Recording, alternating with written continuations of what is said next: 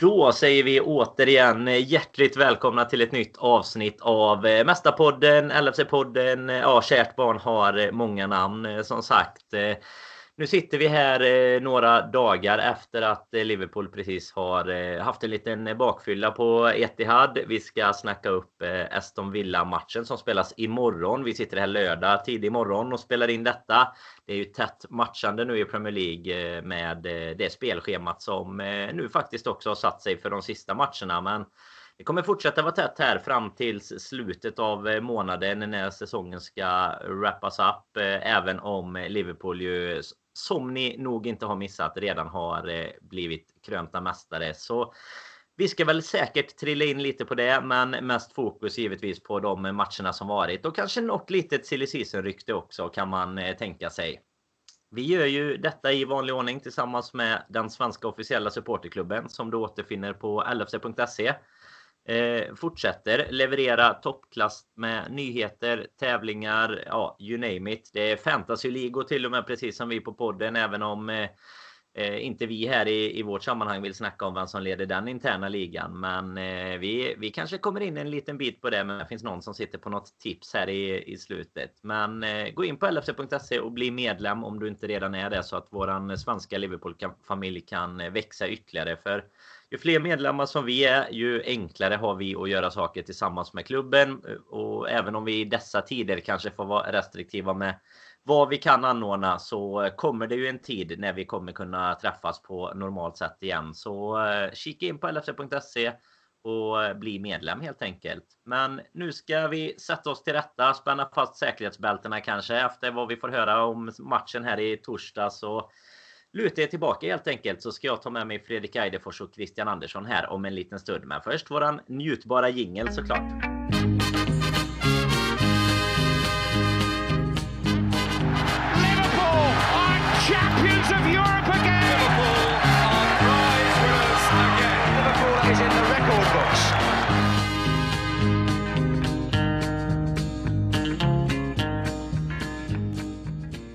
Jajamän, eh, då sitter vi här som eh, mästare om än med en förlust i bagaget. Eh, en känsla som ja, inte kanske är alltför vanlig, varken mästarkänslan eller förlusten i bagaget. Jag vet inte Fredrik Eidefors i i Göteborg när du satt och kollade matchen här i torsdags. Var det någon eh, mästarkänsla? Var du liksom, eh, hade du en sån här guldlatexdress eller någonting? eller vad, vad, hur var känslan inför eh, City-matchen i torsdags? Ja, det var väl det alla förväntar sig att man ska ha på sig. Men, men jag satt med någonting mer, eh, mer komfortabelt faktiskt. Eh, satt med den eh, väldigt eh, vackra eh, klopptishan från Nakata som vi eh, snackat om lite innan här faktiskt. Som eh, jag tror de flesta som beställde kan ha fått hem redan i, i brevlådan. Och, och nej, riktigt, riktigt snygg. Och innan vi drar oss in på det kan vi bara säga att eh, lite information från dem faktiskt eh, som jag, vi snackade om lite här att eh, de har stå, sålt slut dem faktiskt. Så populära eh, är vi här på Liverpool-sekten som vi har pratat om tidigare och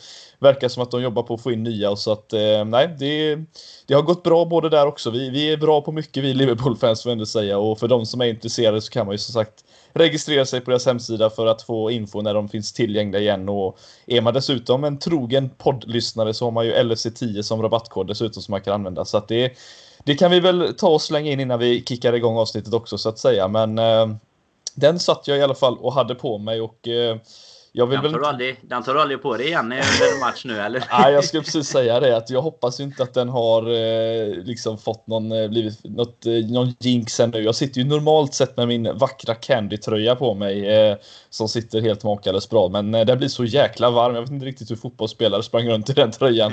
Men eh, nej, det var en, eh, som sagt en, en speciell känsla. Det var eh, på, på förhand alltså det var just den känslan av att eh, ja, vi har ingenting att, att, att, att, vinna. De har ingenting att förlora som Klopp sa efter matchen också. Och det var, det var väl lite så känslan var på förhand och eh, på något sätt hade jag liksom en sån här känsla att jag tror City kör över oss på något sätt. Det, det bara kändes så, men så tänkte nej, men vi, vi ställer väl upp ett bra lag och, och sådär och det kommer vi väl in på också så sagt. Men eh, det var, en, det var en väldigt konstig känsla, men eh, ack så rätt man hade.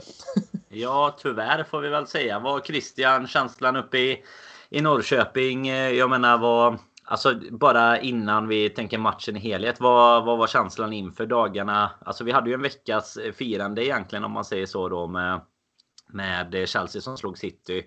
Ja, föregående torsdag då så hade vi sista matchen i omgången nu då på torsdag kväll där mot eh, Manchester City. Så, så en vecka som mästare och sen går vi upp mot laget som eh, ja, men på senaste året, eh, eller senaste åren egentligen då har blivit de eh, största rivalerna på planen i alla fall. Utanför planen finns det väl en del eh, övrigt önske kanske i, i rivalitet. Men, eh, men på planen så är det ju faktiskt Liverpool och Manchester City som fightas i England nu. Vad, hur blev den taggningen kontra eh, en, en match som hade gällt lite mer för din del?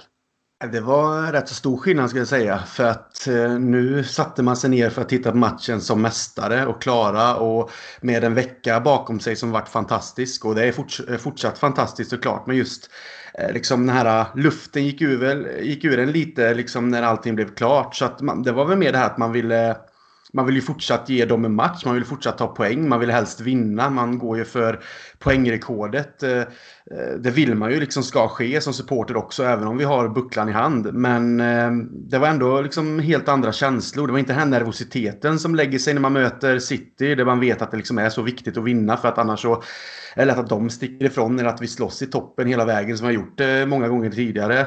Så att det var rätt så skönt tycker jag. Bara kunna sätta sig ner och känna okej, okay, hoppas få se en bra fotbollsmatch. Jag hoppas att vi tar poäng eller vinner, att vi fortsätter på den inslagna vägen. Men utan nervositet nervositeten att man någonstans ska känna att man tappar mark mot dem i en, i en titeljakt. Så att, eh, jag tyckte det var skönt faktiskt att bara sätta sig ner och, och kunna försöka njuta.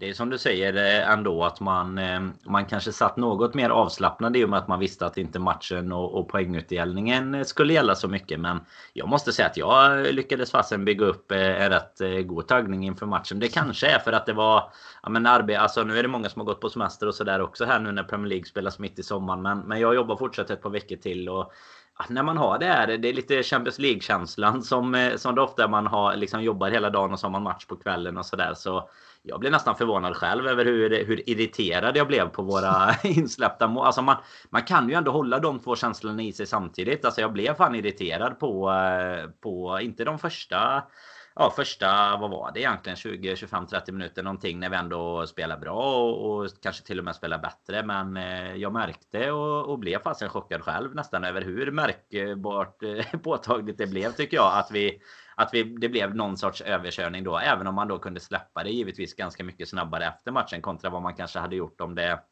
Ja, alltså jag tror inte det hade spelat någon roll om det var det här. Ja, vi hade kunnat avgöra ligan den här matchen, utan vi hade fortfarande vetat att ja, då tar vi det mot Villa på söndag istället. Men hade det varit eh, den liksom föregående matchen eh, som var på Anfield och, och man blev överkörd så, då hade man ju fan inte repat sig på, på några månader känns det nästan som. Så det, det har man ju i alla fall inte, men, inte kvar nu. Eh, vad sa du men det, ja, jag ska säga, men är det lite, var det inte lite så, ni kan väl känna också att eh, om man, om man tar den här, nu har ju Klopp de två största förlusterna han har haft sen han kom till Liverpool har ju båda varit mot Manchester City. Det var ju 5-0 Eh, i den där riktigt jobbiga matchen 2018, blir det, nej 17, nej vad blir det? Eh, ja, ja, den när man blev utvisad i alla fall. Blev utvisad i alla fall. Precis. Ja. Eh, och, och den förlusten, även om vi blev en man kort och sådär, den, den tog man ju mycket hårdare för att den satt ju längre på ett mm. sätt. Den, den kunde man ju tänka på fortfarande liksom veckor senare jag kan ju ärligt och säga att jag satt precis som du också var.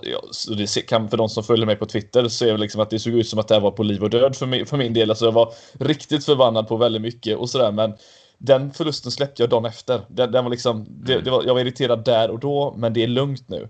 Men den förlusten då var ju mycket jobbigare för den betydde ju någonting på ett helt annat sätt. Så att eh, på ett sätt var det ju skönt, men jag säger samma sak. Jag verkligen växte in i matchen på ett sätt som jag inte trodde jag skulle göra för att vara en en, en match utan någon liksom, ja, poäng som, som betydde något. Men det är ju prestigen, alltså det är ju mot de största konkurrenterna. Vi vill ju inte förlora den matchen och eh, precis som en kille som jag följer på Twitter skrev väldigt bra att en, en förlust är okej, okay, men en förnedring är inte okej. Okay. Det var väl lite så som jag mm.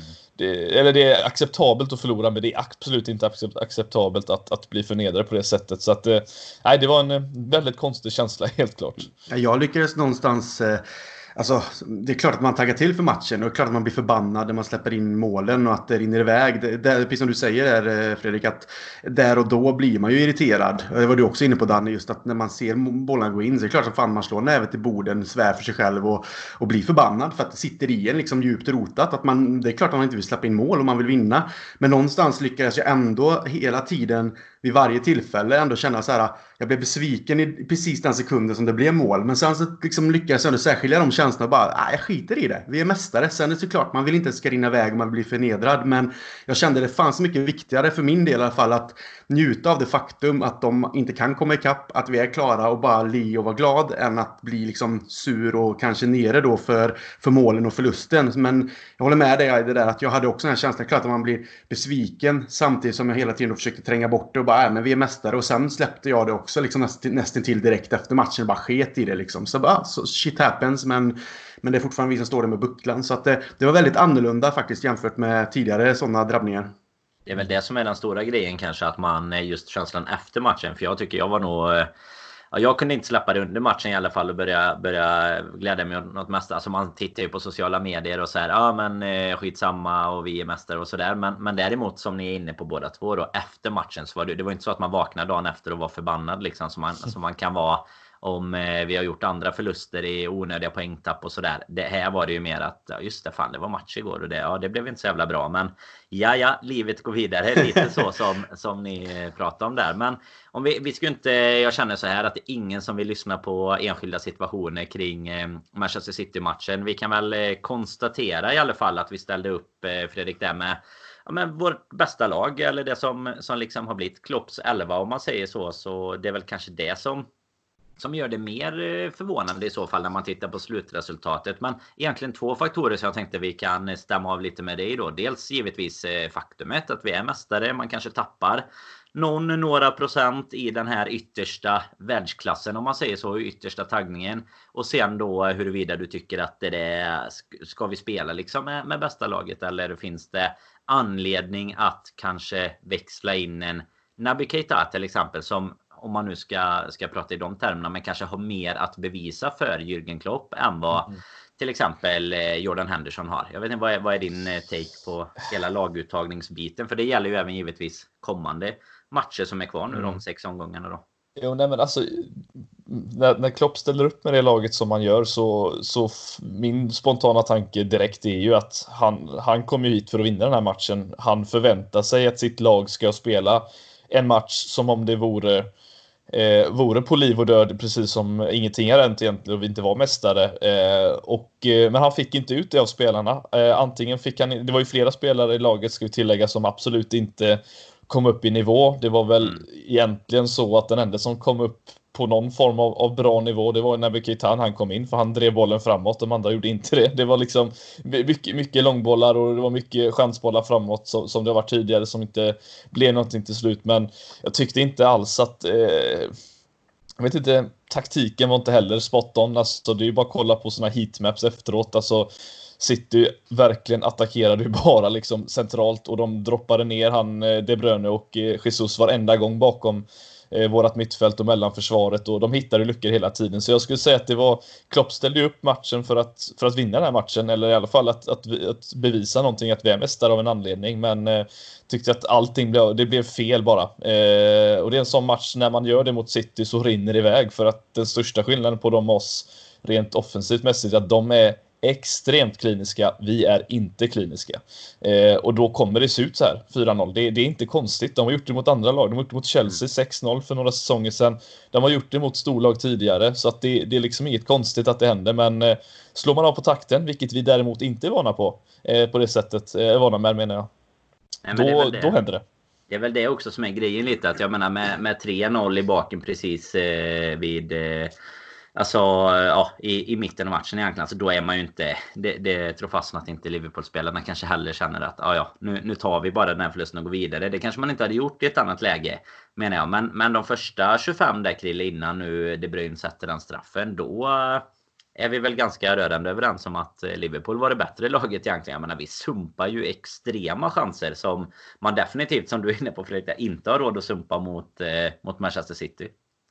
Ja, ja. Alltså de första 20-25 tycker jag att eh, det är nog, väger nog över till Liverpools favör lite. Jag menar, vi har några chanser med Mané, Firmino får inte till eh, på returen, får inte till det. Vi har ju någon stolpträff med Salah. Jag vet inte om det står 1-0 redan då eller inte. Jag kommer inte ihåg det, det riktigt. 0-0 då faktiskt. 0 -0, ja, ja. Så att jag menar, det är ju marginalerna där också. Sen vet jag heller inte, jag kommer inte ihåg om det var så att vi fortfarande låg under när eh, eh, Ederson kom ut och han fick bollen på armen. Men det är sådana här små grejer som det kan bli... Ju precis innan Sterlings mål. Det retar mig fortfarande ja, lite. Den har jag inte riktigt släppt. Jag har koll på det. Jag, jag är inte lika... Jag var Den har jag inte riktigt släppt än. Det kommer. ja, jag var på puben och kollade så det blir att man tittar på matchen men samtidigt så snackar med lite folk och så. Så man tappar alla... Precis, man tappar alla situationer lite sådär ibland när man rör ihop det. Men om man ändå tittar på det. Så att det handlar väldigt mycket om marginaler. Hade vi fått in en boll direkt där när Mané fick chansen och Firmino fick returen och det har varit eh, 1-0 till oss. Eller om det var att Salah hade fått in sin... Alltså, då blir det en annan matchbild. Och det, så blir det ju alltid. Så jag menar, här handlar det väldigt mycket om marginalerna på våran sida eller inte. Och när det inte blev det och de sen fick sin straff, vilket skulle kunna varit en frispark till Gomes först, det kan man titta på lite hur man vill. Men givet att det är en straff när domaren inte har blåst frisparken, men sen det blir straff när han ramlar och Gomes håller honom länge. Liksom det, den är svår att bortse ifrån. Och när de då får 1-0 där och får det övertaget och vi faktiskt har missat chanser, det är klart att då, det kan sätta sig lite mer i de här både hjärnan som kan vara lite trött på grund av firandet men också motivationsmässigt. Och sen så blir det nog liksom att vi kan slå av på takten lite fast vi försöker någonstans. Så blir det att de är mer motiverade och så rinner det iväg. Så att det hade kunnat gå åt annat håll med lite marginaler. Nu gjorde det inte det och så stack det iväg. Och det får man väl leva med kanske. Det, I det här läget så är ju inte det så farligt. Men eh, ja, det hade varit trevligt att se oss i alla fall fått in något mål där. För det hade kunnat bli helt annorlunda då det var väl roligt för motståndarfans, eh, United-fans och Chelsea-fans och så vidare att kunna få någonting att fira. Eh, en 4-0 förlust för de redan krönta mästarna var väl, var väl vackert att de kunde, kunde ha någonting att glädjas åt på torsdagskvällen där. Men det är ju det som Christian är inne på där Fredrik, alltså jag menar som Mané har nått läge. Nu är det i och för sig lite senare när vi ligger under redan. Men du vet det kommer någon cross in och Mané ska egentligen... Alltså han hade bara kunnat sätta dit foten och, och ja, lägga in bollen i stort sett. Men så missar han hela bollen. Jag vet inte om han försökte ta med sig den eller vad han gör. Men det händer ju inte i en match i, i vanliga Alltså det är verkligen... Någonstans känner man ju så här att det måste vara att de antingen då kände att okej, okay, det har redan runnit iväg för mycket. Eller att det redan från start var egentligen att nej men det, vi har inte riktigt den, den här sista uspen liksom för att hantera en sån match i det här läget. Och det får man väl säga, även om både du och jag satt och kanske var lite irriterade under matchen. Så får man väl fasen tycka att det är väl okej okay att göra det. Hellre nu då än eh, och har gjort det i liksom eh, omgång 10 när, eh, när vi fortfarande har något att kämpa för. Precis. Alltså det, jag, jag kan väl tänka, tycka så här att eh, allting kändes ju redan eh, hopplöst från början när man såg den helt urusla Guard of Honor som man fick dessutom på. Ska den vi inte, ska vi, kan, inte glömma. Den kan vi faktiskt stanna lite på. Den kan, du kan få betygsätta av alla Guard of Honor du har sett. Har du någonsin sett något lamare och liksom Alltså de var ju inte ens, bara det att de inte ens hade tagit av sig redo i typ matchställ tyckte jag var, det brukar ju alltid mm. ha gjort, du vet det är alltid så här man ställer upp inför matchen och alla står och ändå applåderar. Här har du en Bernardo Silva bland annat som bara står så här och hänger med armarna. Störst, den värsta förloraren av, av dem alla tror jag. Jag blev, jag, redan ja. det, det kanske var därför man var så irriterad under matchen. Jag tror det. det, var ja. så men det, var, det var så jävla, men det var så jävla lojt. Och sen, jag tycker att det är jävligt respektlöst. Vi kan prata om alla andra Guards of Honor som har varit tidigare. När både Liverpool har applåderat vinnare och man har sett de liksom, andra som, som har applåderat andra lag. Då. Jag menar, det, visst, då finns det fans på plats och det är helt annat. Men jag menar, jag tycker att så här, när, när Guardiola går ut och säger att ja, men det är självklart att vi ska ge Liverpool en Guard of Honor för att det liksom hör, hör till och vi ska visa respekt och allting. Jag tycker att det nästan blir lite blir någon slags hån när man sen ställer upp sig och det ser jävligt slappt ut. Och som ni säger, Bernardo Silva klappar inte ens. Det blir nästan så här som att... Det är som barnungar typ. Som, som du säger, så här, dålig förlorare och bara ah, jag gör inte det här. Liksom, det är nästan så här gå emot lite så här, fan tonårstrots för fan. Det är skitlöjligt och jag blir också irriterad. Jag säger inte att jag måste ha ett lag som står där rak i ryggen och applåderar som fan för att Liverpool blir mästare. Men man kan väl visa i alla fall respekten som en vuxen professionell fotbollsspelare som liksom kan, ja, jag applåderar det här laget som blivit mästare. Vi gör det riktigt och sen kör vi igång matchen. Men här så nästan, ja, för fan, jag tycker det är jävligt löjligt och det säger lite om City också för att det här är det fanns City i ett nötskal som klubb. Bara förra året när de sjöng på planet tillbaka eller vad det var när de mm när de hade vunnit Premier League och allt det här. De sjöng om Liverpool och allt det här. Liksom. Bara, bara de typen av content som kommer ut. Vi skickar ut massa content internt om oss, hur fantastiska vi är tillsammans. Och Klopp pratar om klubben och vi pratar och vi, vi skickar ut gra, liksom, grafik från någon som har liksom då senast eh, 90, på 90-talet när vi vann då. Sen hur, hur tidslinjen går fram till idag. Det här med att någon blir äldre. Så här. Det är fantastisk content, fin content och det pratar om oss och visar hur vi känner med våra känslor. Men de skickar ut liksom hån on-off-videos där de sjunger om hur liksom, vi inte kan vinna någonting och sen den här typen. Och det är därför man gillar, liksom, eller inte gillar City, som ska jag säga, inte gillar. Utan man ogillar dem så skarpt för att det är en jävligt ful klubb på många sätt om man har sett det ful inom citationstecken. Ja, det är därför man faktiskt ogillar dem så mycket som man gör. För att det, de är respektlösa på det sättet och har liksom inte den typen av sätt att bara vara professionell helt enkelt. Ja, det är därför man ställs in här.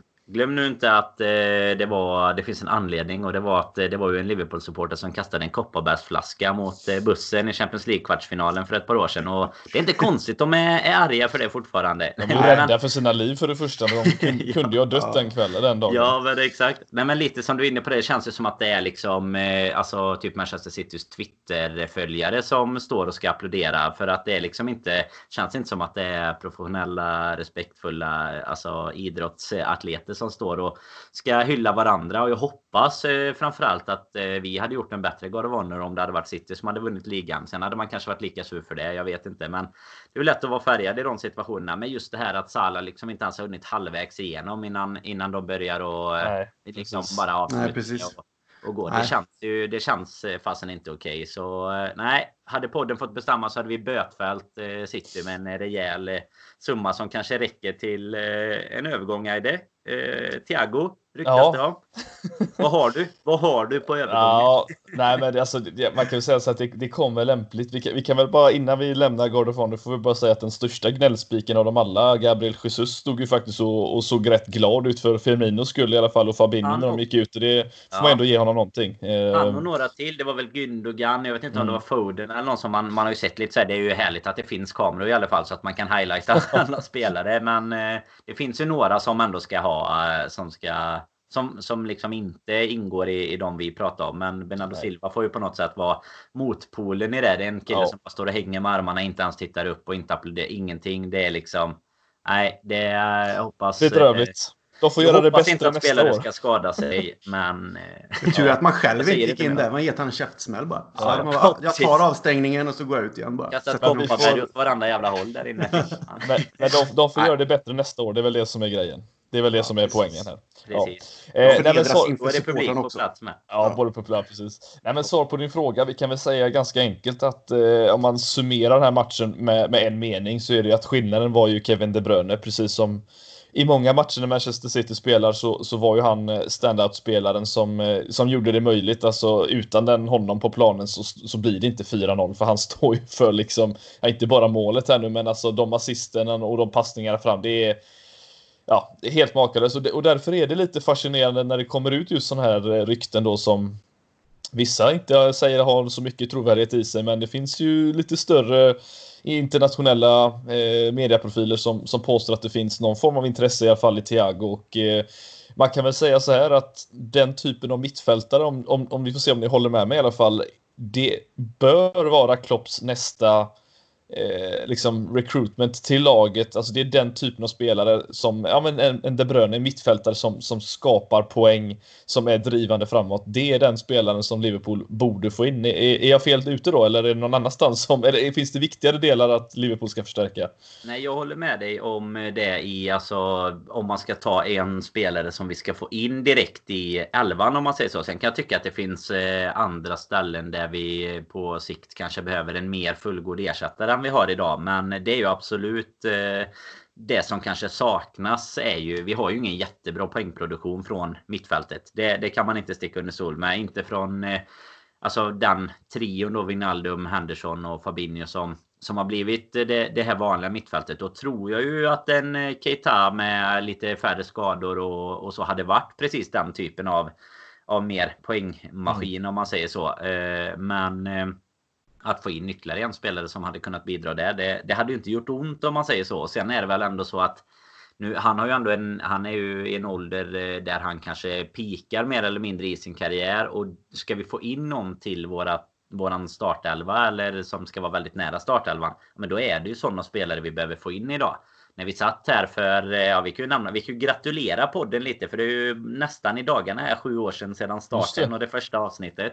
Men när man satt här då för, för många år sedan och när ni började framförallt Fredrik, du Robin och, och Viktor och den andra Robin Fredriksson där då, då satt man ju och pratade om värvningar där, alltså det, det handlade ju inte om att värva den yttersta världseliten eh, riktigt när man hade liksom Balotelli och Ricky Lambert att konkurrera med. Utan då pratar man ju mycket om så här påläggskalvar och alltså vi kan utveckla spelarna själva och sådär. Men för att få in någon i våran startelva idag, ja men då är det ju faktiskt den typen av spelare vi behöver värva. Sen kan vi bredda truppen med, med andra typer av spelare. Men eh, jag vet inte, det, det, går ju inte att liksom värva någon som är ett eh, relativt bra prospect nu och tänka att eh, man ska ta sista klivet på samma sätt som kanske Coutinho och Sturridge fick fart på sina karriärer i Liverpool. Mm. Där är ju, nu har ju vi liksom gått förbi den nivån. Och sen kan jag bara nämna i och för sig på tal om att jag nämnde Balotelli där. Du nämnde ju att det var olika, eh, olika konton och, och medier som rapporterade om den här övergången. Och nu i morse här så såg jag att det började sippra ut att så här, det var något Twitterkonto som är, är ganska stort som hade ja, lite halvt då breakat Balotelli till Liverpool för sex år sedan. Och då liksom började folk skriva att ja men kolla här, han hade rätt eh, på Balotelli och han var typ först där. Så han måste ha rätt. Ja. Då känner man en, en, en, eh, mer eller mindre kvalificerad gissning för sex år sedan kan eh, leda långt i Twittervärlden. Men jag vet inte, ja. vad har du, har du läst eller sett det från mer, mer troliga källor i, om man säger i dina egna dina ja, egna... Nej, innan, innan Krille får gå in och ta sin take på det hela så, så kan man väl säga att, att eh, Karl-Heinz Rummenigge var, var väl ute och, och gjorde intervju nu när Sané blev klar för Bayern München och eh, han har väl mer eller mindre sagt att vi kommer sälja Thiago för vi vill inte att han ska gå gratis nästa sommar. Mm. Eh, så att han kommer ju lämna sen. Sen tror jag alltså spontant så känns vi tackade nej till Timo Werner mer eller mindre för att det var för mycket pengar. Om jag förstod det rätt, alltså det, det passade liksom inte nu tror jag inte att vi pratar 50 miljoner pund uppåt för, för honom här. Nu pratar vi kanske någonstans mellan 20-30 snarare. Och det är ju mer rimligt, men Thiago är ju en världsklasspelare i slutändan och eh, ja, det finns andra lag som, som säkert är intresserade av honom. Eh, och, eh, men, men, det är just det som jag skulle säga att Liverpool behöver få in lite sådana spelare för det är svårt. Alltså, Visst, vi, är, vi, vi kan skoja och, och skämta mycket som helst om att vi är 20 poäng före Manchester City och vi har varit mer konsekventa i vårt spel under en hel säsong än vad de har varit och det är därför vi är där vi är. Men när vi möts och ställs upp mot dem så har vi problem, i alla fall på bortaplan så har vi problem, men då är det en annan typ av match där vi behöver spelare som kan kontrollera matchen på ett annat sätt. Det ser man ju bara så vårt mittfält var ju helt helt off i den här matchen. Alltså de var så vilsna Eh, Robertson var väl mest vilsen av dem alla tror jag visserligen. Han kan ju vi prata om en podd annars om hur han spelar den här matchen. Men nej, alltså den typen av spelare behövs komma in helt enkelt och eh, jag skiter fullständigt i att han är 29 år och, och, snart fyller 30.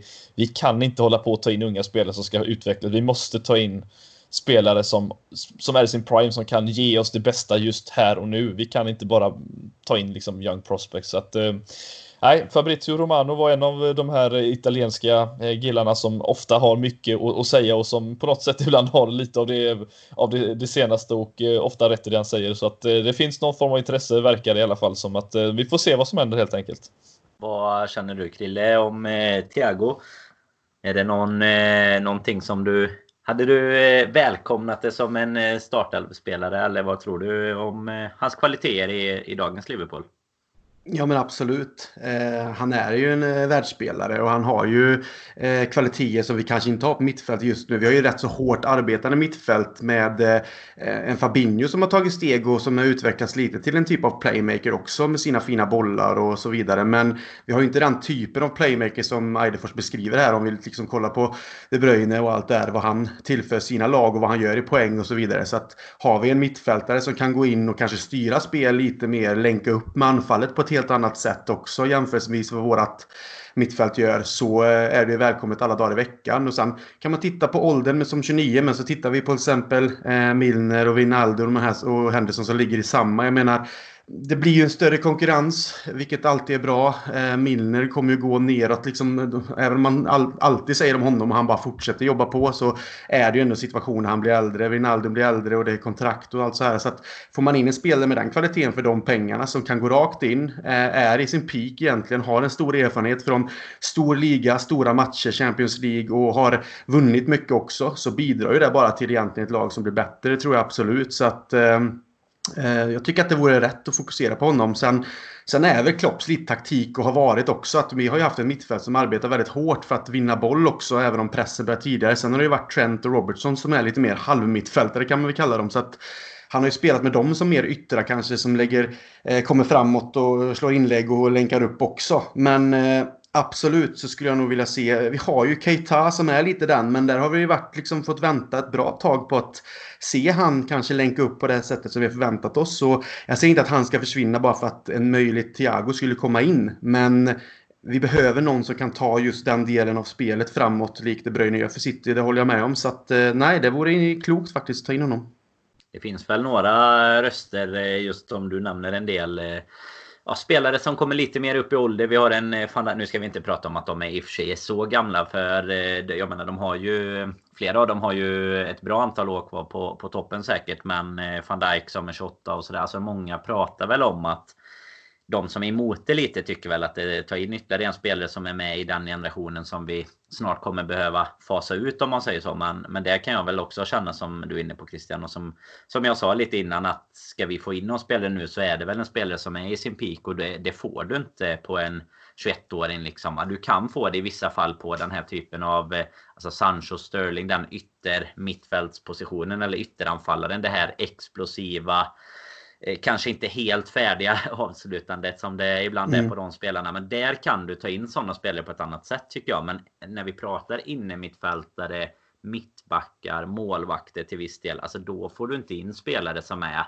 är liksom 19. Och alltså det, det finns givetvis i sällsynta fall. Men de här stommespelarna de är oftast lite mer rutinerade, lite äldre, har lärt sig med tiden. Och du nämner bland annat en Fabinho som börjar bli en lite playmaker också i sin roll. Och jag menar, det är ju en jäkligt häftig spelare i sig. För han, han är ju både en fantastisk defensiv mittfältare och en fantastisk offensiv mittfältare eh, i samma person liksom. Som mm. eh, kan göra det från ja, men från den positionen han sitter på idag i sittande i tremanna mittfält. Så jag menar kan du då också få in någon som är, är än mer kreativ offensivt så Nej, så tror jag väl inte. Det är väl Gini Wijnaldum som får ursäkta liksom kanske på den positionen i så fall. Och det kanske han ändå kommer få göra på eh, för en Naby Keita som, som kanske lyckas hålla sig lite mer skadefri och så. Men om vi snabbt bara övergår på den sidan då Fredrik. Är det, är det någon som får lämna om, eh, om Thiago kommer in? Vad kommer Keita tycka? Vad kommer Oxley tycka? Och, och så vidare.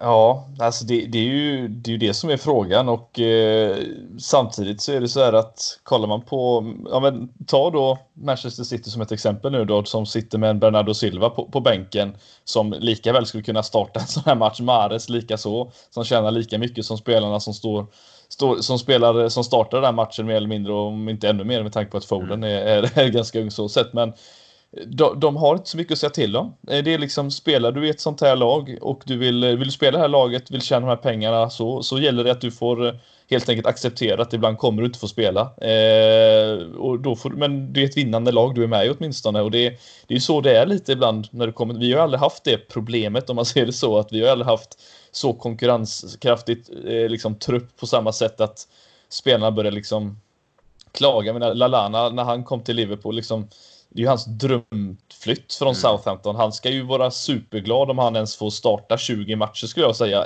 Även om han kommer dit med förhoppningen om att, om att vara en startspelare. Så att, det finns spelare som ska vara glada att de får spela helt enkelt och, mm. och vill de inte det så får de väl bli sura och då kommer de ju få lämna för Klopp vill inte ha de spelarna. Men eh, Lalana kommer ju lämna, det vet vi ju. Eh, Shakiri är en spelare som också spelat på mittfältet så sett som eh, kanske mer räknas som ytter. Han kommer troligtvis försvinna så det är ju egentligen Milner då som kanske får kommer trappas ner ganska otroligt mycket och då står vi där med Keita, Oxlade, Fabinho, Keita och Henderson då. Eh, och då har vi definitivt plats för en till och eh, då tycker jag att Thiago skulle passa väldigt fint där inne. Jag har väldigt förkärlek för honom. Nej, och sen är det väl lite som, som du säger, alltså Citys trupp om man jämför, nu ska vi inte hylla dem på något sätt så, för att de är ändå 20 poäng efter. Det ska vi inte glömma i den här podden. Men, men det är ändå så att det är klart att de har ju en trupp där du kan ställa upp med ett, eh, ett sjukt jäkla lag i en ligacupmatch. Liksom. Du kan verkligen tävla på alla fronter.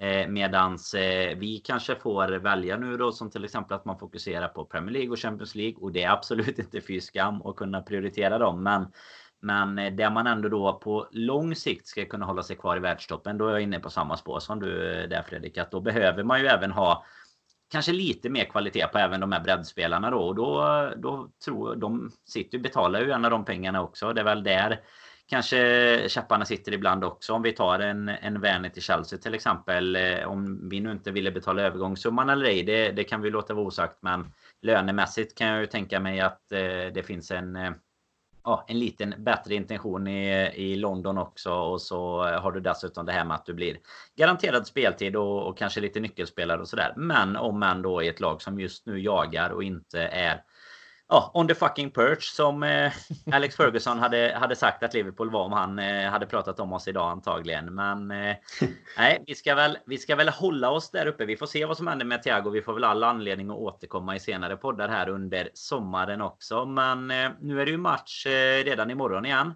Tätt matchande som sagt. Det är ju typ två matcher i veckan här nu. Sex omgångar kvar av eh, den här ligasäsongen och då eh, välkomnar vi Aston Villa till eh, Anfield. Och vad tror du Krille? Blir det Klopp var ju ändå märkbart. Eh, han var rätt irriterad också tycker jag efter matchen när man såg honom i intervjuer. Han var inte helt nöjd med, med hur det Nej. hade utspelat sig. Och han, var, han sa det i någon intervju att han var irriterad efteråt. Han var irriterad på kvällen. Men när han kom till Melwood dagen efter så, så var han glad igen. För på Melwood det är där vi ändrar saker till de bättre. Och det ligger väl kanske någonting i det. Kommer vi få se en vi kan jämföra det senaste exemplet då. Everton, ganska tafatt match. Eh, matchen efter Crystal Palace, en av våra bästa på hela säsongen. Vad tror du, mm. vad tror du händer imorgon när Aston Villa, som ju kämpar för sin överlevnad kan vi säga, kommer till Anfield? Ja, det är väl just det egentligen då att Aston Villa kämpar för överlevnad som ändå kan ge dem någon slags skjuts såklart. Men jag har en känsla av att eh, insatsen mot City, eh, spelarna är inte nöjda med det. Eh, Klopp var absolut inte nöjd med det. Eh, de har säkert fått höra det. De har pratat igenom det, diskuterat och sagt att det inte är okej okay, liksom, att det ska bli så. Även om det kan bli så så är det inte vad han förväntar sig att se. Så att, ja, känslan är väl att Aston Villa kan bli slagpåsen i det här eh, fallet. Liksom att vi är tillbaka på Anfield. Vi möter ett bottenlag som kämpar för överlevnad som redan ligger ner lite. Även om det är så då att de, de måste kämpa som fasen just för sin position. Men Liverpool vill ju gå ut och visa att City bara var en bakfylla egentligen. Och att det inte är något annat. Utan de vill ju fortsatt gå för poängrekord och så. Så att eh, det, kan, det kan bli en sån match där liksom vi väljer att ta ut all rage egentligen på, på Aston Villa. Så att det kan bli farligt för dem. Men det kan ju också vara så att eh, Villa har liksom eh, styrkan och energin att stå upp bra just på grund av det läget de är. Hade det varit ett mittenlag som var klart egentligen för, för nästa säsong och inte behövde slåss för överlevnad så hade de kanske slappnat av också. Så det, så det kan vara lite både och. Men eh, min känsla är att Liverpool vill gå ut och spelarna vill gå ut på Anfield och visa att nej, vi ska visa att vi är mästare och vi ska gå för poängrekordet och vi kommer liksom vilja visa alla egentligen att City bara var en sån här one-off eftersom att vi har festat. Så att eh, det kan bli svårt för Aston Villa.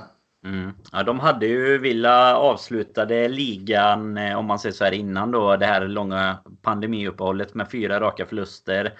Sen återstarten så har de två kryss och två förluster. De har bland annat i och för sig då mött Wolves, eh, Chelsea bland annat. Sen lite sämre lag i Newcastle och Sheffield United. Men ändå lag som, ja, Newcastle eh, får du ursäkta, men annars då är på övre halvan också. Men jag vet inte vad, de har inte blivit några slagpåsar i de matcherna om man säger så Fredrik. Men vad tror du? Är det, blir det ett kärt återbesök för Peperina till att börja med kanske? Nu vet vi inte om han, får, om han eller Örjan Nyland startar i mål i och för sig. Men eh, kommer, kommer den ja. som startar ha att göra helt enkelt? Vi kan väl hoppas att det inte är Reina som startar för att deras andra målvakt är totalt jäkla värdelös kan vi ju säga. Han, är, han har, jag har sett honom två, spela två gånger och det är kanske inte så mycket att gå på men de två gångerna så har det ju varit en stor blunder och så en gång när han tappade in bollen i mål och hade väldigt tur att det inte blev mål den gången. Och, och, och eh, målkamerorna missade den så att, eh, ja, jag hoppas väl att han står för då kan det bli målkalas på på Anfield. Eh, jag hoppas väl egentligen bara att, att vi liksom kan komma tillbaka till som sagt Crystal, Crystal Palace-matchen, alltså den typen av inställning som vi faktiskt eh, visar upp där, för det var som jag sa i förra avsnittet, kanske den mest liksom, dominanta och bästa prestationen vi gjort den här säsongen. Eh, helt makalöst bra, så att jag jag hoppas att vi, jag tror Klopp också vill efter den här matchen mot City vill komma tillbaka till vinnande spår och kanske därefter möjligtvis eh, börja hitta andra spelare som kan få komma in. Men eh, jag hoppas ju till exempel att han också i den här matchen ser att det finns spelare som helt klart inte höll måttet mot Manchester City som inte alls kom in med den inställningen och spelade så som de brukar göra. Och eh, normala fall så ska det betyda att man kanske får starta på bänken exempelvis. Vissa spelare kanske förtjänar en andra chans, men eh, jag vet inte, vad, vad tror ni? Tror ni Klopp eh, börjar rotera redan nu eller tror du han, han vill liksom ge dem en andra chans att visa att de är, att de är värda detta nu? Men det finns ju några. Vi har ju intervjun med Sala där som de körde om ni såg den på, på Viasat där eh, innan matchen mot City. Han pratade ju om att han vill ju spela varenda minut. Jag, jag kan vila när säsongen är över liksom. Och det är klart att han vill ju gå för en, en skytteligaseger till exempel. Och Klopp själv pratade om att, eh, om att det bara är han som får de här frågorna nu för att eh, titeln är klar. Att inte Lampard och Ole Gunnar Solskjaer de här får frågan om de ska spela ungdomarna nu bara för att liksom. Och jag tror att så pass eh, vinnarskalliga och professionella som de är så tror jag nog att de gärna går för, för det här poängrekordet. Jag tror inte att eh, våra bästa spelare heller hade varit jättenöjda med att sitta och nöta bänk. För jag menar, det är ju det är ju faktiskt så att vi kommer inte spela i den Champions League-upplagan som eh, nu då om det blir Lissabon eller inte men verkar, verkar spelas här under augusti. Och eh, jag menar då har ju vi tid på oss att ta igen oss med. Så jag hoppas väl ändå att vi kommer ställa upp med ett så bra lag som möjligt. Sen säger ju inte det att det är precis samma startelva. För precis som du är inne på Fredrik där, så, så kanske ja, Robertson kanske kan få en andra chans när han inte är full eh, under matchen. Men eh, jag menar vissa spelare kanske eh, ja, men saknar det. Och det märker ju Klopp om inte annat på träningarna här emellan också. Vem som har det och vem som inte har det kanske just nu. Eh, och då kanske det finns spelare som är nära elvan i vanliga fall som, som kan stå och knacka på dörren. Men ändå, jag tror inte att vi liksom byter ut åtta spelare och spelar med med bara Harvey Elliot, Nico Williams och eh, Curtis Jones och de här spelarna utan det är väl väl vissa som kanske hade mått bra av någon vila. Jag kan väl tycka att Firmino till exempel inte har sett eh, steket ut sen eh, sådär överlag. Och det, där hade jag väl kunnat tänka mig. Men då är det också sådär. Då är det lite vad ska man låta en Origi spela eller ska man göra om lite i systemet i så fall? Det, det är väl eh, det som är frågan i så fall. Jag vet inte vad känner du Krille inför en startelva på, på eh, söndag här imorgon? Jag ser väl gärna egentligen att man, som du nämnde Danne med, att man går för poängrekordet och går ut starkast möjligt egentligen ändå. Jag menar, det är väl skönt om de spelarna som spelar mot City och fick den plumpen ändå får gå ut och bevisa sig. Liksom både för sig själva, för Klopp och för fansen att vi kan ändå trots att titeln är klar och att eh, motivationen ändå finns där för en sån som Salah för skytteligaseger. En Mané som ligger lite bakom men som också har chansen. Eh, sen kan man ju... Det, det jag gillar är väl tanken att eh, hemma mot Aston Villa utan att vara respektlösa mot dem. Får man in några bollar lik mot Crystal Palace så kan man ju byta ut och vila. Men då har i alla fall de som varit inne fått bevisa sig, gjort sina mål och visa att det är ingen fara. Vi är på topp, vi är med. Och så kan man låta Harvey och de här spelarna komma in, få sina matcher och förhoppningsvis få ihop till då en, en medalj också som det, som det kan bli. Så att, eh, det är väl mer det, att man istället för att börja laborera innan match och byta ut för, för att så tycker jag väl ändå att ge dem chansen igen och bara bevisa sig och så tror jag inte att det är några problem utan eh, det, det, känns som att det är den bästa vägen att gå i alla fall om jag tittar på det med mina ögon. Att eh, det finns ingen anledning till att byta ut och börja göra det nu för att de hade en svår match mot City och alla inte var med utan kör på och sen byter man ut när man förhoppningsvis har några bollar i ledning. Mm. Ja, senast vi mötte Aston Villa då, eh, det blev ju inte den startelvan i alla fall kanske. Det var ju den här ligacupmatchen som krockade med VM för klubblag och, och alltihop. Det var Kane och det var Hill och det var Chirivella i och för sig som har lämnat klubben nu. Men van den Berg och Kelle här i mål. Och, ja, det var ett, ett eh, härligt eh, lag som gick ut och tappert eh, startade med 10 bra minuter och sen förlorade med 5-0. Men den matchen som eh, de flesta kanske kommer ihåg från den här säsongen mot Aston Villa. Eh, även om, man, om det finns all anledning i och för sig att komma ihåg även ligacupmatchen. Det är ju vår vändning där i slutet på Villa Park då när, när vi egentligen spelar. Ja, det, är, det är ju i det här läget av säsongen när vi fortfarande kämpar rätt rejält med City. Eh, de gör en vändning precis innan och vi lyckas vända eh, bara minuterna efter egentligen då. Andy Robertson gjorde mål för, av alla människor i, i världen och sen Sadio Mané med målet som eh, avgör matchen där. Och jag vet inte Fredrik, vad är känslan? Var det där var det där liksom Now you're gonna believe us på något sätt kunde kunde födas lite denna säsongen? För det var ju faktiskt en situation där City jagade oss inför matchen mot dem då.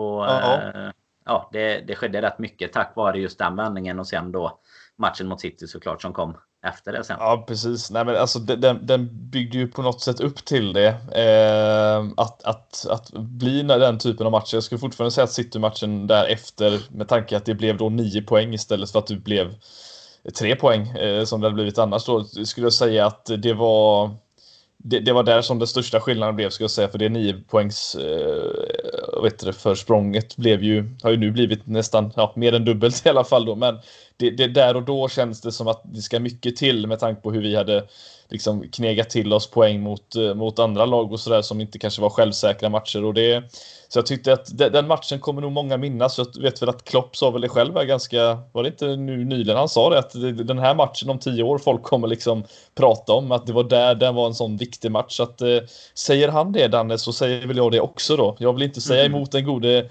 Norbert Klopp så att det nej, det som, som, sagt en sån typ av match som man inte är jättebortskämd som Liverpool-supporter men har blivit lite, lite, lite mer nu under den här säsongen kanske. Många sena matcher som har vänt men eh, det där var ju såklart en av de viktigaste för säsongen helt klart. Ja, och 2-1-segrar har vi ju. Alltså 2-1 istället för 1-1 har vi ju eh, mm. fått eh, äran att vänja oss vid nu känns det som. Eh, just med... Vi har ju Leicester bland annat hemma där, där vi får straff i slutet. Och det, det finns många. Vi har väl en 7-8 matcher där. Men för att testa dig lite på stående fot här bara Fredrik du som, som brukar vara våran matchexpert. Vad, eh, om, om vi bortser från den eh, matchen nu då som vi vann med 2-1. Men eh, matchen före det när vi mötte Aston Villa. De har ju varit och harvat ett tag i Championship ett par år. Vad, vad blev den matchen? Sena, senaste hemmamatchen alltså? Nej senaste, nej. nej, senaste gången vi mötte dem i Premier League innan det. Det var borta kan jag säga. En bortamatch i, jag kan säga det var ju den säsongen Leicester vann 15-16 sist de var uppe och ja, Klappsist gjorde de. Men då, då, jag kanske är jättefel ute här, men eh, jag, jag, tar det långsamt så får vi se om, om, om, om jag är rätt ute. Gjorde Kolo Touré mål i den matchen? Kolo Touré gjorde mål i den matchen, så det kan han, du stryka. Han, det kan han du stryka gjorde ganska det sjätte målet. ja, precis. 6-0 blev det va? Det stämmer.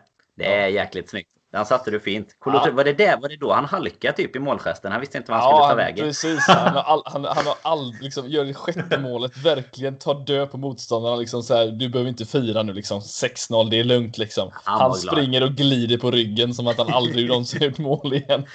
There is no ah. need to be upset. Nej, jag måste säga, kan, kan, vi inte bara stanna vid honom? Alltså, rent, om vi bara säger så här, karaktärsmässigt är han en av de liksom, godaste gubbarna som Liverpool har haft de senaste liksom, ja, men under Premier League-eran om man tar det. Alltså, han känns ju som en sån genuint helt makalös god gubbe alltså.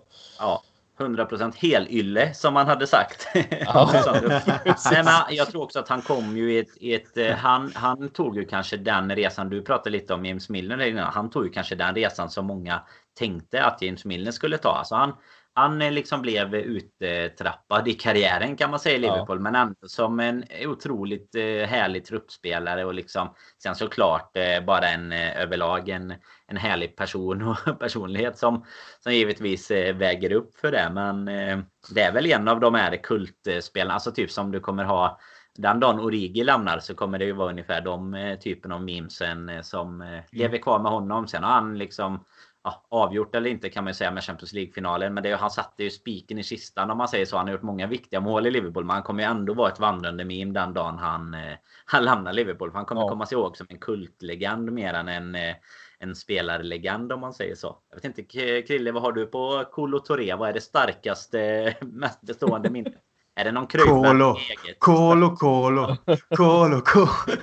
nej, eh, nej, men eh, det är väl mest som vi är inne på här. Karaktären egentligen. Alltså en professionell fotbollsspelare, en duktig fotbollsspelare under de åren man såg honom i Premier League. Inte den eh, kanske i bästa form och peak hos oss såklart, för den hade väl redan gått förbi. Mm. Men stabilitet, eh, liksom erfarenhet. Eh, en god gubbe, som ni säger. Eh, kan ju ändå, det kanske man inte såg när han spelade för Arsenal och City, men när man såg liksom content från, eh, från vårt håll och på det sättet han var i gruppen så verkar han vara väldigt omtyckt och så. Så att eh, den typen av eh, spelare är alltid viktiga. Likt en Milner då som kanske är überprofessionell då. Han dricker inte, liksom tränar hela tiden och har gjort liksom sen han var en bebis egentligen kan man nästan tro liksom. Så att eh, den typen av spelare som ändå bidrar, som har erfarenheten, blir lite pappa och så kan vara med liksom ändå konkurrera, eh, sätta standard. Det, det, är viktigt i alla lag och ja, Kolo Touré gjorde väl det på ett sätt i, i Liverpool och blev lite av en, en kult sam, sam, samtidigt som vi vet att, som ni nämner också, James Milner. Liksom, han har ju spelat i många klubbar sen han kom fram i Leeds och varit i Aston Villa, Newcastle, City. Men det är ju egentligen i Liverpool antagligen som han kommer vara som störst och högst ihågkommen. Liksom sett till nu att han både vunnit Champions League och Premier League och möjligt kan vara med och vinna någon stor titel igen innan det är dags att kanske eh, lämna eller lägga av. Liksom. Så att, eh, det är sjukt ändå om man tittar på en lång karriär från 16 års ålder via fina klubbar liksom, i, i England och titlar också på vägen. Men att det faktiskt är sista klubben på slutet av karriären där han blir som störst. Mm. Ja, men faktiskt. Vi får väl också ge eh, Kolo, eller det är väl att eh, om vi ska nämna ett, annat klassiskt namn i en vattendelare i Liverpool-sammanhang. Men Brandon Rodgers verkar ju ha ett gott öga till Kolo Touré i alla fall. Ja, det just det. Ju, han eh, som, som hade honom i Liverpool och vidare till eh, Celtic sen. Eh, både, han var väl lite spelare först och så blev mm.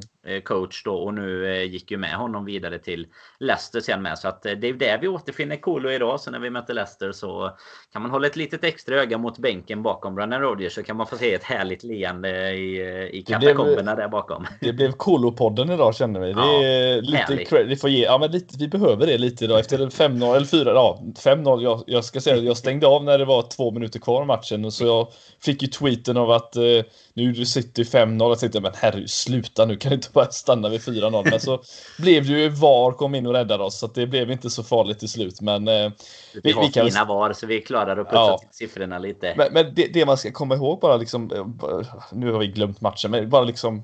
Jag tror många glömmer ganska snabbt att matchen på på, på Anfield. Det stod ju 3-0 ganska tidigt i andra halvlek eh, för oss och eh, de fick ju in ett tröstmål i slutet. Men annars så, alltså, vi hade kunnat få in ett tröstmål och blivit 4-1, 3-1. Det hade inte spelat så jättestor roll så sett. Men det var ju samma sak där. Vi var jättekliniska i den matchen, men den kommer ju folk Precis. inte ihåg bara för att City gjorde ett mål. Där, där blev det 3-1, och inte lika, lika mycket. Men vi var ju minst lika dominanta och körde över dem på samma sätt fast på våran hemmaplan. Och det, men... det glömmer, och då, då var det väldigt mycket mer att spela om kan jag säga. Då var det väldigt mycket mer. Ja, så att, sen... Eh, folk glömmer snabbt. Och sen är det ju så om man tittar tillbaka på det med. Jag matchen som var nu i torsdags, liksom det blev 4-0 och det, under de förutsättningarna som ändå är. Men tittar man på åren tillbaka. Liksom City har vunnit stort mot oss. Vi har vunnit stort mot dem, precis som du nämner Fredrik. Här. Tittar man på när vi mötte dem i Champions League så var det en överkörning av oss där också. Över två matcher egentligen. 3-0 efter 20 i fem minuter ja. dessutom. Ja, men jag menar så att man, kan, man glömmer av det fort bara för att man ser en sån här match. Och sen kanske då att de gjorde ett tröstmål gör att siffrorna ser lite bättre ut för ögonen. Liksom att det, det ser inte lika illa ut på pappret som 4-0 gör. Men Alltså ser man faktiskt krasst på det utspritt över några säsonger så har ju vi lyckats köra över ett jävligt starkt City eh, flera gånger om också. Både i Premier League och Champions League. Och får vi inte glömma att de har fortfarande inte vunnit någonting i Europa medan vi vi, vi tar de där titlarna. Både Champions League och Supercuper och VM-pokaler och grejer. Så att... Eh, nej, ju, en 4-0 skiter jag i. Ja, det är bra Krille. Sen är det ju faktiskt så här att den är ju, det är bara för att det är den färskaste matchen i minnet nu. Men jag kan lova så. er att om en, om en vecka så eh, har eh, de andra Ja, det är inte City-fansen för det, det känner nog inte någon av oss, nästan några. Men det är ju andra fans då som kan glädja sig lite åt att Liverpool får, får däng för en gångs skull. Och ja, då, då kan de väl få glädjas lite åt det. Men om en vecka finns det andra resultat att prata om. Och, och så kommer det alltid att vara. Eh, nästa gång vi möter City nästa säsong kommer inte denna matchen spela någon som helst roll. Och jag tror inte någon studio kanske kommer välja att nämna det. Antagligen Sky och, och liksom... Alltså vi har satt kommer ju leva på det också. Det gör de ju alltid. ja men precis. De kommer hitta de här negativa grejerna som eh, man kan lyfta och lite då föregående match. Men eh, Mosala kommer inte bry sig någonting om det blir 0-4 utan han kommer göra... Jag kommer ha någon som triple captain när Liverpool möter City nästa säsong i fantasy. För då han kommer vara så jävla revanschsugen. Ja. Men eh, innan vi eh, drar ihop eh, detta avsnittet grabbar. Det blir ju som sagt lite tajt avsnitt nu med, med kort om tid. Ni som lyssnar nu får liksom vara, vara på tårna här nu. För det är ju två matcher igen nästa vecka. Och ja, sen fortsätter det ju egentligen så fram till som sagt där den 26 juli när säsongen tar slut. Så vi ska ju även leverera lite resultattips såklart inför morgondagens match mot Aston Villa. Och man får hänga med oss på Twitter där vi eh, givetvis kör våran tröjtävling. Eh, även om det är nu väldigt tätt matchande så in där, kika, svara, retweeta, gör allt som står i eh, tweeten för att vinna en tröja där. Och som tur var var det ingen som vann sist. För det, då hade vi väl blockat den användaren till, till nästa säsong. Nej, det, nej, man får tippa med, med både hjärta och hjärna och en kombination däremellan om man vill. Men Krille, vad är ditt hetaste stalltips inför morgondagen? Jag, jag har en känsla och tro och hoppas att Liverpool vill gå ut och knocka tillbaka här nu. Så jag tror att det blir en Crystal Palace. Jag tror det blir 4-0. Mm. Heide? Eh, jag tror inte det blir så målrikt. Jag tror spelarna är fortfarande lite sega, men eh, 2-0 tror jag. Ja, jag satt faktiskt och tänkte på 2-0, men jag tänkte för en gångs skull kommer jag inte vara mest eh, optimistisk. Men 3-0 då så lägger jag mig lite sådär demokratiskt emellan er två. Inte, det är inte likt dig Danne. Lite svenskt att lägga sig liksom i landet lagom. Ja, lite lagom sådär ja. 3-0 i lagom och bra. Ja. ja. Nej, jag tror att eh, jag tror att man. Jag tror du ligger bra till där Raide 2. De har inte släppt in så mycket mål Villa. De har ju som sagt eh, mycket att spela för även om eh, Ja, utan att dra in alla andra lag i, i det här samtalet. Men, men jag tycker att alla där nere spelar... Eh, fan, det verkar inte som det är någon som riktigt vill vara kvar. Och det är ingen som riktigt vill spela Champions League. för det är liksom sådana här omgångar där... Ja, som Manchester United hade förra omgången. De vinner ganska klart och sen förlorar alla runt omkring. Liksom. Chelsea, Spurs. Eh, det, det känns som att det finns en anledning till att när vi väl har varit lite kliniska en säsong så finns det en anledning till att det är 20 poäng som skiljer. För eh, fasen alltså, de tar inte mycket poäng.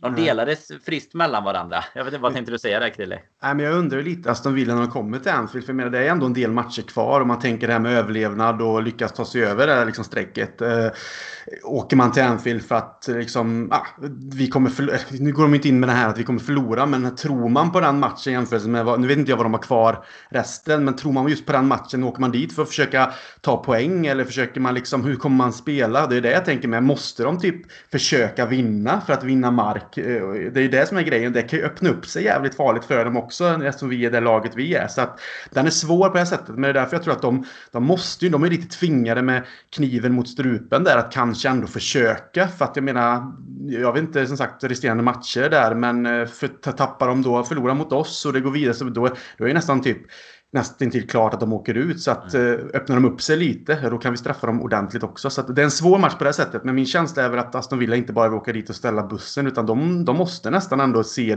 någon slags möjlighet i det. Och då tror jag att vi straffar dem.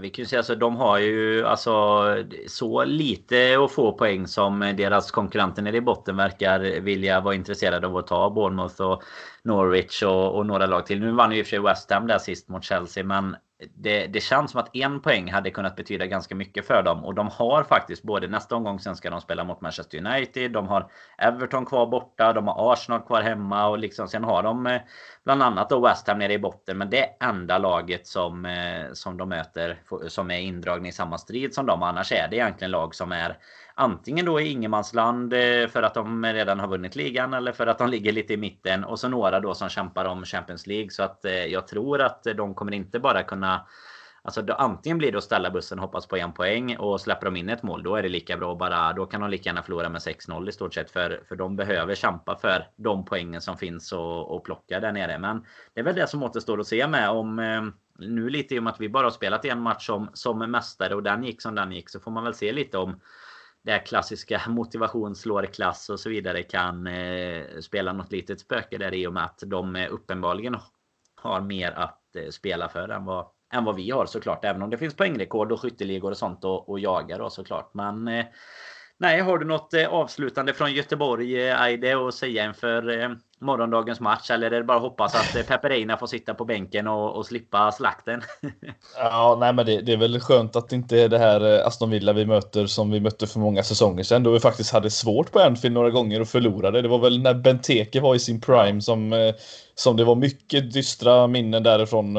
Till och med innan det när Ashley Young var i var i sin peak även han. Så att det var, det var sådana tider man eh, kommer ihåg som Liverpool-support. Det var tur att vi inte poddade exakt eh, alltid då, men eh, nej, det är inte samma lag nu så att som sagt, det kommer bli en, en, en, en klar seger kommer det att bli. Det, jag tror inte Aston Villa har så mycket att komma med, trots att de inte har så mycket skador. Så nej, det är full fart framåt. Up the Liverpool man minns ju dem tidigare som ett litet sånt boogie team som du säger. Sen var givetvis vi sämre. De har ju spelade ju som sagt inte Premier League de åren där vi kanske utvecklades som mest nu under Klopp. Men eh, Absolut, man, eh, man, hade inte, man hade inte gärna sett eh, att de eh, tog ett snabblån på en Benteke och kunde skicka in honom. För det, det var fasen många mycket man fick eh, slita sig i håret under de åren. Men eh, vi nöjer väl oss så långt. Som sagt, vi rekommenderar att ni sticker in på Twitter och söker upp LFC-podden för våra tävlingar.